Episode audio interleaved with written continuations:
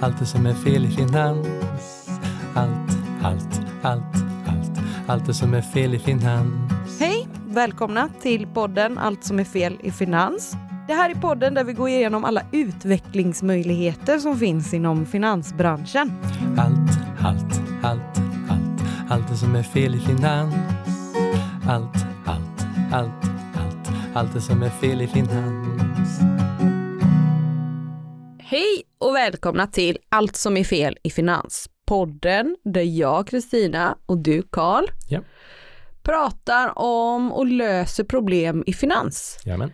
Du är docent i matematisk statistik och jag har en bakgrund som ingenjör i teknisk fysik och tillsammans så kommer vi från Sigma Stocks. Lite kort, vad pysslar Sigma Stocks med Karl? Sigma Stocks hjälper dig att spara direkt i aktier helt automatiskt. Det är faktiskt en mycket bra grej. Det är det. Mm. Tillbaka till problemen i finans. Idag ska vi prata om inflation. Ett problem vi trodde var aktuellt när vi pratade om det första gången i höstas, men det har blivit ännu mer populärt nu. Mm. Varför ska vi prata om det igen egentligen? Blev vi inte färdiga förra gången, Karl? Alltså, inte riktigt och det är av två skäl. Alltså ett, att finans är inte fysik. Den ändrar sig hela tiden och allt eftersom tiden går och ny data tillkommer. Och två, jag hade ju fel när jag sa i höstas att inflationen antagligen skulle komma ner rätt så snart. För jag kunde då inte se annat än att den då bara drevs upp av krånglande logistikkedjor och skiftande köpmönster. Bägge orsakade av covid. Mm, just det. Du, och så då, ja, det kanske är poddens officiella hållning då, var team transitory. Exakt. Men det var fel alltså. Jajamän, det verkar inte bättre. Men eftersom jag är skolad i vetenskap och inte i politik så det här är inga som helst bekymmer för mig. Jag erkänner att ny data överbevisat mig och att jag tänkte konstigt och gör mitt bästa för att förklara vad jag ser nu istället. Mm, ja, okej. Ja, det låter ju, det låter ju ödmjukt på ett skrytigt sätt. Exakt. Exakt. ja, Jag Lagarde då. ja, precis. Ja. Team transitory, det, är alltså, det var en teori som blev motbevisad, om vi säger. Så vad är, vad är hypotesen nu? Jag tror väl fortfarande att inflationen har pikat och att den ska ner. Jaha, men då har ni Mm. ju inte ändrat dig särskilt mycket alls då. Nej, alltså, nej, egentligen inte. Det finns ett finansuttryck som går ungefär så här, when in trouble, double. Ungefär, har en trade gått fel, dubbla insatsen och chansen bara att du får rätt den här gången. Alltså, Det låter ju som ett sunt råd. I livet och i... Ja, jo, jo, jo. Ja, så det är det du gör nu då alltså? Nej, det verkar inte bättre. Alltså, mycket av den inflation vi ser nu kommer av, ja, kommer av enorma prisökningar i sektorer som påverkas ordentligt av störningar som orsakas av pandemin. Mm, det ligger kvar alltså, det som du trodde i höstas. Ja, alltså det är ju, det är ju inte riktigt helt det över. Och till det har ju även kommit Putins krig i Ukraina såklart. Men skillnaden nu är att även om man rensar för dessa faktorer så kvarstår inflation och det gjorde det inte innan. Inflationen finns numera alltså brett i ekonomin till skillnad mot i höstas. Och detta pekar på att till exempel den amerikanska marknaden som helhet är, är överhettad. Mm, och i förra avsnittet ehm, såg det ut som inflationen då berodde mycket på flaskhalsar i ekonomin. Men det är inte fallet längre nu då alltså. Det är mer riktig inflation vi ser nu.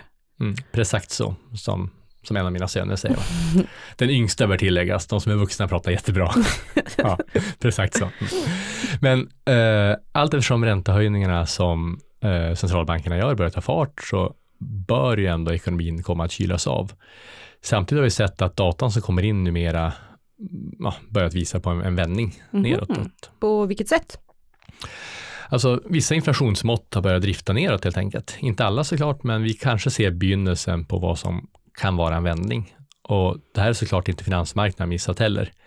Man kan utläsa från obligationsmarknaderna hur inflationsförväntningar ligger och de har kommit ner ordentligt de senaste månaderna, vilket visar att marknaderna helt enkelt är mindre rädda för inflationen på sikt. Ah, ja, obligationsmarknaden, det är ett rafflande ställe där man typ köper och säljer olika lån.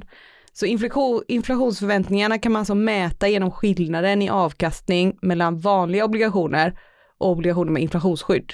Japp. Alltså vad man är villig att betala för ett eh, försäkring mot inflation.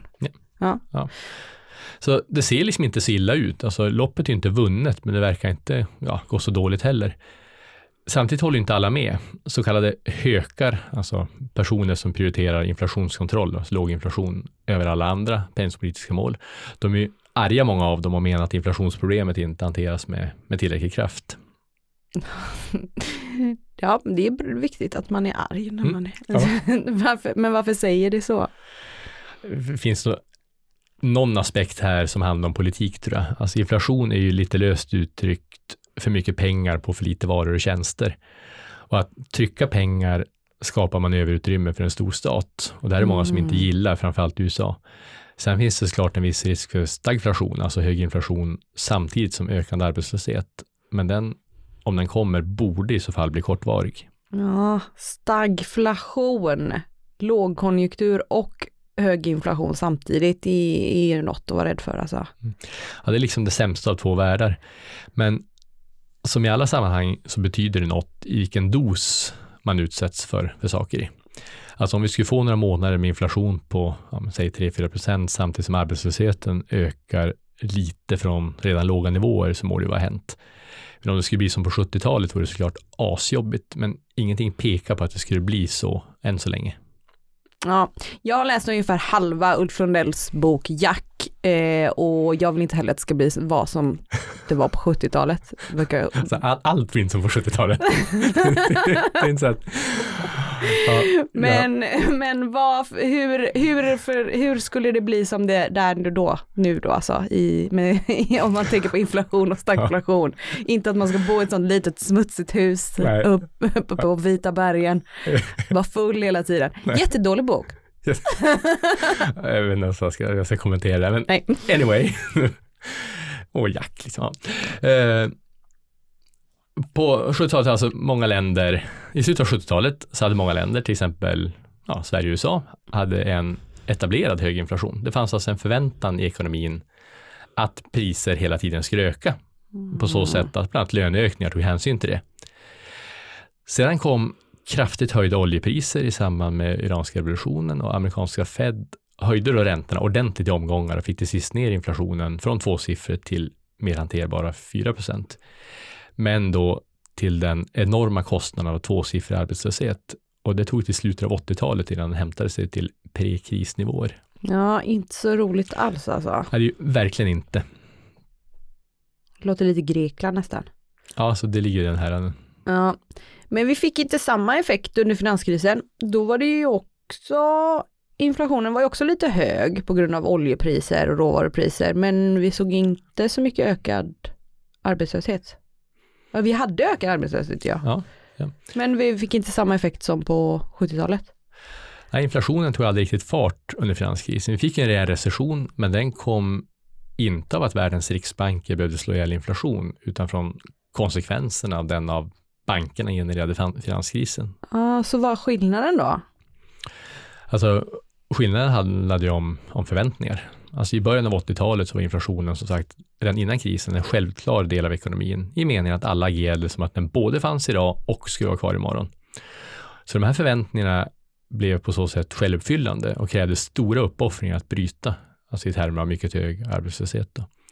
Så under finanskrisen å andra sidan så förväntades folk höjda priser idag, för oljan var dyr typ. Men ingen Mm. trodde att inflationen skulle fortsätta vara hög på längre sikt. Därför blev det naturligt att inflationen också föll tillbaka ja, Ja, ja. tiden. Det är det här som gör att finans inte är fysik, för att allt Ja. handlar om förväntningar. Ja, det är jättekonstigt. Det är så himla humaniora det här ämnet. Det är så, vad känner vi nu? Känns det som det ska vara hög inflation? Ja. Det var tur att du fick läsa på Chalmers då. Ja. Ja, men vad är vi för situation nu då? Är det 80-tal eller är det finanskris? Inflationsförväntningarna ser mycket mer ut som finanskrisen i den meningen. Så att du kommer inte behöva leva som Jack. Så-. Folk tror ju att den är hög idag, men tror även att den kommer att komma ner imorgon. Vi har ju för sig, som vi pratade om innan, hög inflation i många områden av ekonomin och löneökningar är höga, så centralbankerna kommer behöva höja räntorna för att häva den negativa spiralen. Mm, och då kommer arbetslösheten komma upp som en konsekvens. Ja, i alla fall lite liksom, Min, minst lite. Och då har vi ju tekniskt sett stagflation, vilket låter hemskt, men det är ju inte tillnärmelsevis lika illa som på 70-talet. Nej, det låter inte jättetrevligt, men eh, kan, man, kan man hoppas på att ha fel igen? Absolut, jag hoppats för det. Ja. Men så här är det ju med ekonomin, va? det har alltid varit ett problem som också alltid har löst sig till slut. Det är ju så det ten tendensen är med sådana cykliska skeenden. Ja, och det löser sig kanske den här gången också då. Ja. Och så glömmer man bort att det var ett problem när det går bra och så, sen så Ja. blir man ledsen igen när det går dåligt. Ehm, så det kanske, ehm, ja men oavsett vad man är i konjunkturcykeln så är det alltid bra med ett bra sparande. Och behöver man få hjälp med det så kan man ju vända sig till oss på Signastocks. Du kan ju läsa mer om hur du startar ditt eget aktiesparande ehm, på signastocks.com. Ja. Mm, tack så mycket Carl. Tack du. Allt, allt, allt, allt, allt det som är fel i finans. Allt, allt, allt, allt, allt det som är fel i finans. Följ Sigmastocks på Instagram, at Sigmastocks och lämna förslag på vad jag och Carl kan prata om i kommande avsnitt. Allt, allt, allt, allt, allt det som är fel i finans. Allt, allt, allt, allt, allt det som är fel i finans. En poddproduktion av Fredag.